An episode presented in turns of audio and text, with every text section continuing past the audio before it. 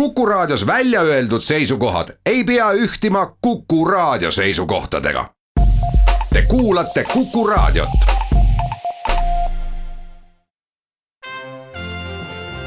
Tallinna Filharmoonia esitleb Filharmooniline huvitaja tere päevast, meie tänase saate külaline on särav ja mõnusalt salapärane helilooja, kunstnik kontrabassimängija Mingo Rajandi, tere tulemast! tervist! Mingo Rajandi, see on nii mõnusa mineku ja kõlaga nimi, et see oleks nagu kunstniku nimi, aga see on ikka su päris nimi, eks? jah, päris nimi jah, aga tõesti äh, sobib äh, kunstnikule ka hästi. kas sa usud sellesse, et äh, nimed mõjutavad meid või meie saatust? ma ei tea, kas nimed just saatust mõjutavad, ma arvan, et me ise mõjutame oma saatust, aga ma tean, et vale nimi võib olla väga häiriv tegur vahel juhtub niimoodi, et inimene ei tunne ennast oma nimega hästi ja siis kannatatakse selle pärast terve elu ja õnneks on võimalus ka seda muuta, kui on hea põhjendus muidugi. ma ei tea, kas Eestis see on põhjendus, et mulle tundub, et see nimi ei sobi mulle? peaks olema, mis siis üldse veel loeb? Sa oled täna külas, et rääkida kontserdist, mis toimub kahekümne kuuendal märtsil, see on siis selle kuu lõpus, neljapäevane päev, Mustpeade maja Staff Clubis. aga ennem kui me sinna jõuame, on väga põnev teada saada, kuidas see üldse on võimalik, et sa olid vist kahekümneaastane, kui sa polnud veel kordagi kontrabassi käes hoidnud mängimise mõttes ja nüüd ei ole sellest liiga palju aastaid möödas ja sa oled helilooja ja väga hea kontrabassimängija. kuidas see juhtus? jah, ma olin juba üht-teist oma eluga teinud, proovinud siit ja sealt leida seda õiget tee otsa ja siis äh, lõpuks sattusin selle kontrabassi peale täitsa juhuslikult vaadates tagasi, see tundub kõik jah, selline muinasjutuline seiklus, aga selles mõttes ma ei ole nõus sinuga, et ei ole palju aastaid läinud mööda, neid on ikka läinud omajagu ja see on niisugune teekond üks samm korraga see kindlasti räägib sellest, et sa oled väga julge, et üldiselt ju nii ei tehta, et saadakse kahekümne aastaseks ja siis otsustatakse, et ma hakkan kontrabassi mängima. no ma sain tegelikult isegi kahekümne nelja aastaseks ja julgust on mul jätkunud tõesti, aga ma arvan, et äh, inimesed võiksid olla üldse rohkem julgemad ja võiksid välja astuda mingisugustest äh, elukorraldustest, mis neile päris hästi ei istu ja mis neile rõõmu ei too. et see, et sa oled kord eksinud või et sa oled sattunud mingisugusesse süsteemi, see ei tähenda, et sa peaksid sinna kinni jääma, et me ei tea, kui palju meil elupäevi on, võib-olla neid on väga palju ja on täiesti piisavalt aega, et teha need ümberkorraldused isikliku õnne poole ja see on ka su mõte, et lihtsalt äh, mitte karta uusi asju, ma ei kujuta ette, kuidas see võis olla, kui sa esimest korda võtsid paberi ette ja et palun kirjuta üks muusikapala.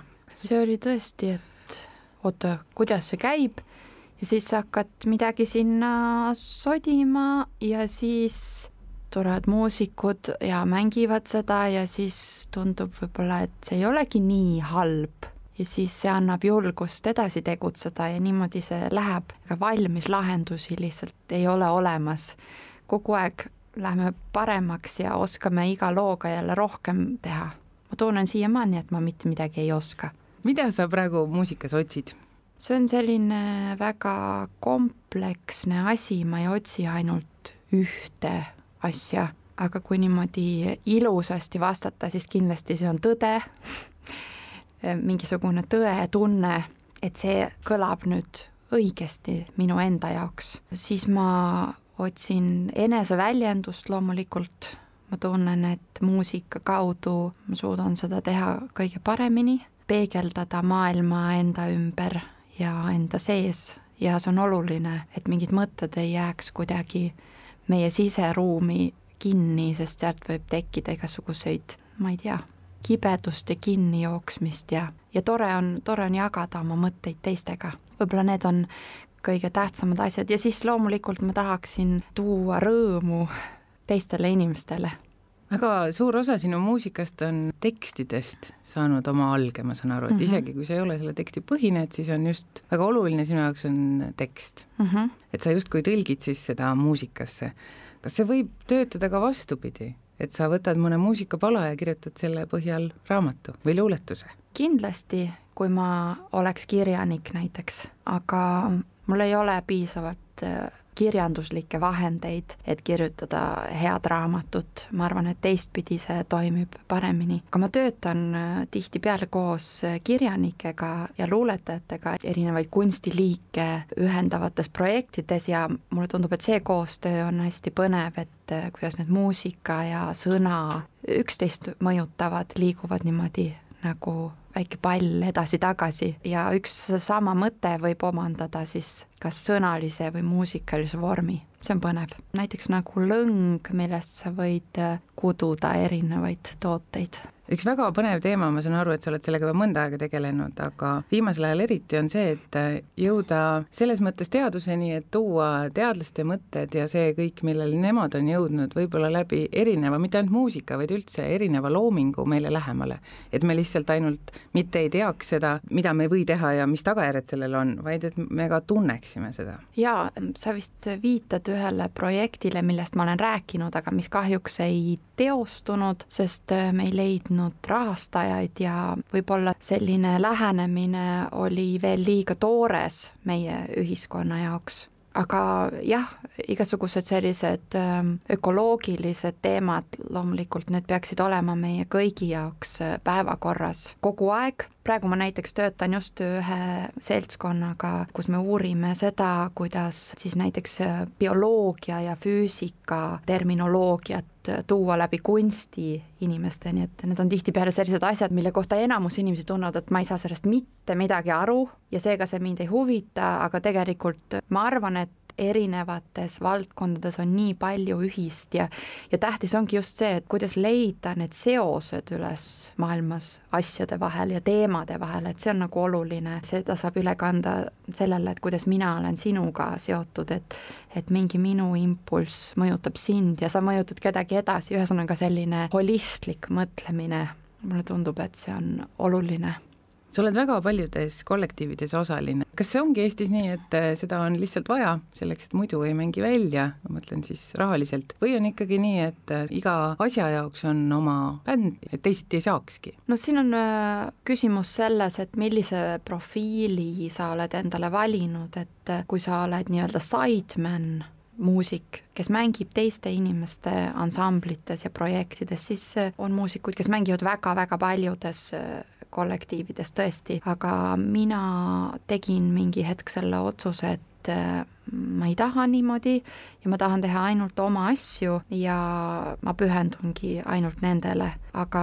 loomulikult äh, muusikuna on keeruline toime tulla Mingo Räändi kvintett siis, millega te kahekümne kuuendal TAF-is olete, selle kohta sa oled toredasti öelnud, et sa lõid selle, et olla koos oma sõpradega ja teha head muusikat. kes on siis need head sõbrad sinu kvintetis? see on täiesti õige, ma tahan nende inimestega rohkem aega koos veeta ja muusikas on see veel eritore. minu äh, ütleks isegi, kui mul oleks mitu paremat kätt, siis äh, need oleksidki Ahto Aabner, Marek Talts, äh, Joel Remmel ja Liisi Koikson ja mina ise siis, kes me moodustame selle kvinteti.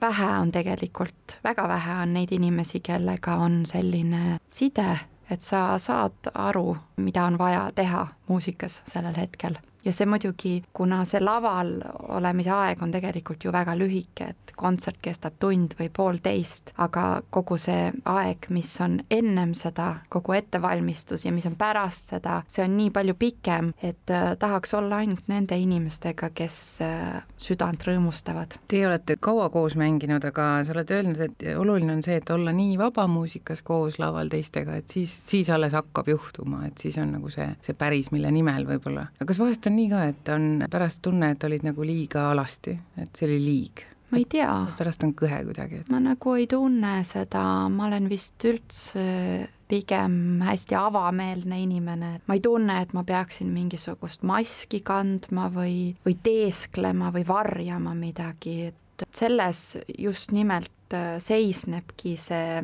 kunst või muusika või mis iganes muu eneseväljendus, et sa pead olema sada protsenti siiras, sest muidu lihtsalt sellel ei ole mõtet. siis ta on kunstlik, mitte päris kunst. mis siis sellel õhtul seal kahekümne kuuendal juhtuma saab? tegelikult on kõik väga lihtne, viis inimest tulevad lavale ja mängivad muusikat, mis on minu kirjutatud, see on selline enamasti eestikeelne, kuigi mul on nüüd mõned ingliskeelsed lood ka juurde tulnud. Kuidas seda nüüd kirjeldada? enamasti selle ansambliga me saavutame mingisuguse ekstaatilise seisundi, mis on jube äge, see on nagu mingisugune transs, kui kõik läheb plaanipäraselt, siis me vist ise naudime seda nii väga, et äh, unustame kogu ümbritseva olukorra ja ma loodan, et publik saab sellest osa. see muusika on enamasti selline liikuv, energiline, pigem helge, universaalse sõnumiga.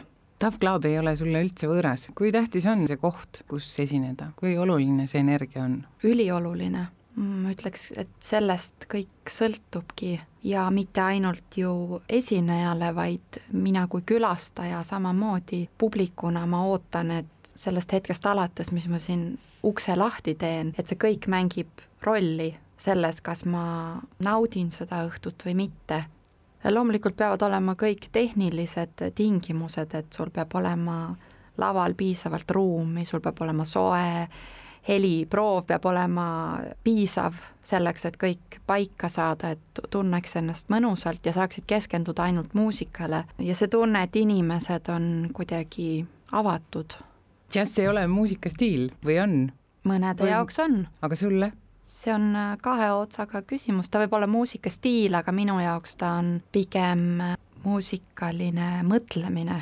See, kuidas ma lähenen mingisugusele materjalile, et see on jälle seesama, see lõngakera metafoor, et sa võid sellest materjalist ütleme, džässmuusikuna sa võid teha sellest ühe asja ja kui tuleb näiteks väga akadeemilise taustaga inimene, siis tema teeb sellest hoopis midagi muud, aga see materjal, see lõng on seesama, et muusika oma olemuselt ei erine. et pigem et, mängimise viis? mängimise viis jah, kindlasti ja mitte ainult mängimise, vaid äh, see, kuidas me sellest mõtleme mis mulle ei meeldi, mulle ei meeldi nagu selline liigne paatos ja pidulikkus ja niisugune, et ma olen kuidagi mingisugune kõrgem olevus, mis mingisugust püha teost interpreteerib, see ei ole minu jaoks. ma olen vist niisugune lihtsam tüüp ja tähtis on just see koosmängu energia. ma arvan, et energia on üldse kõige tähtsam asi igas asjas, et kas see energia, kas ta töötab, kas ta läheb käima ja kas muusikud lähevad laval käima seda ma otsin alati ise kuulajana ka, et kui sa oled selline justkui nagu vaatad kõrvalt, kuidas keegi interpreteerib midagi, see on igav. sa pead olema ihu ja hingega seal sees ja see on huvitav. kui me rääkisime mõni aeg tagasi Raivo Tahvenauga sellest, et tuleb Mingo Rajandi kvinteti kontsert märtsikuus, siis ta ütles, teistest kontsertidest oli ka juttu ja ja selle õhtu kohta ta ütles, et oh, see on ju puhas rõõm, Mingo Rajandi, ma väga loodan, et just selline see õhtu tulekski, puhas rõõm nii teile kui ka kuulajatele. loodan sama suur,. suur-suur aitäh tulemast, nii et head kuulajad, kahekümne kuuendal märtsil Mustpeade majas Staff Clubis õhtul kell kaheksa saate kõik minna kuulama Mingo Rajandi kvintetti. kõike head ja ilusat päeva jätku! aitäh! Tallinna Filharmoonia esitleb Filharmooniline huvitaja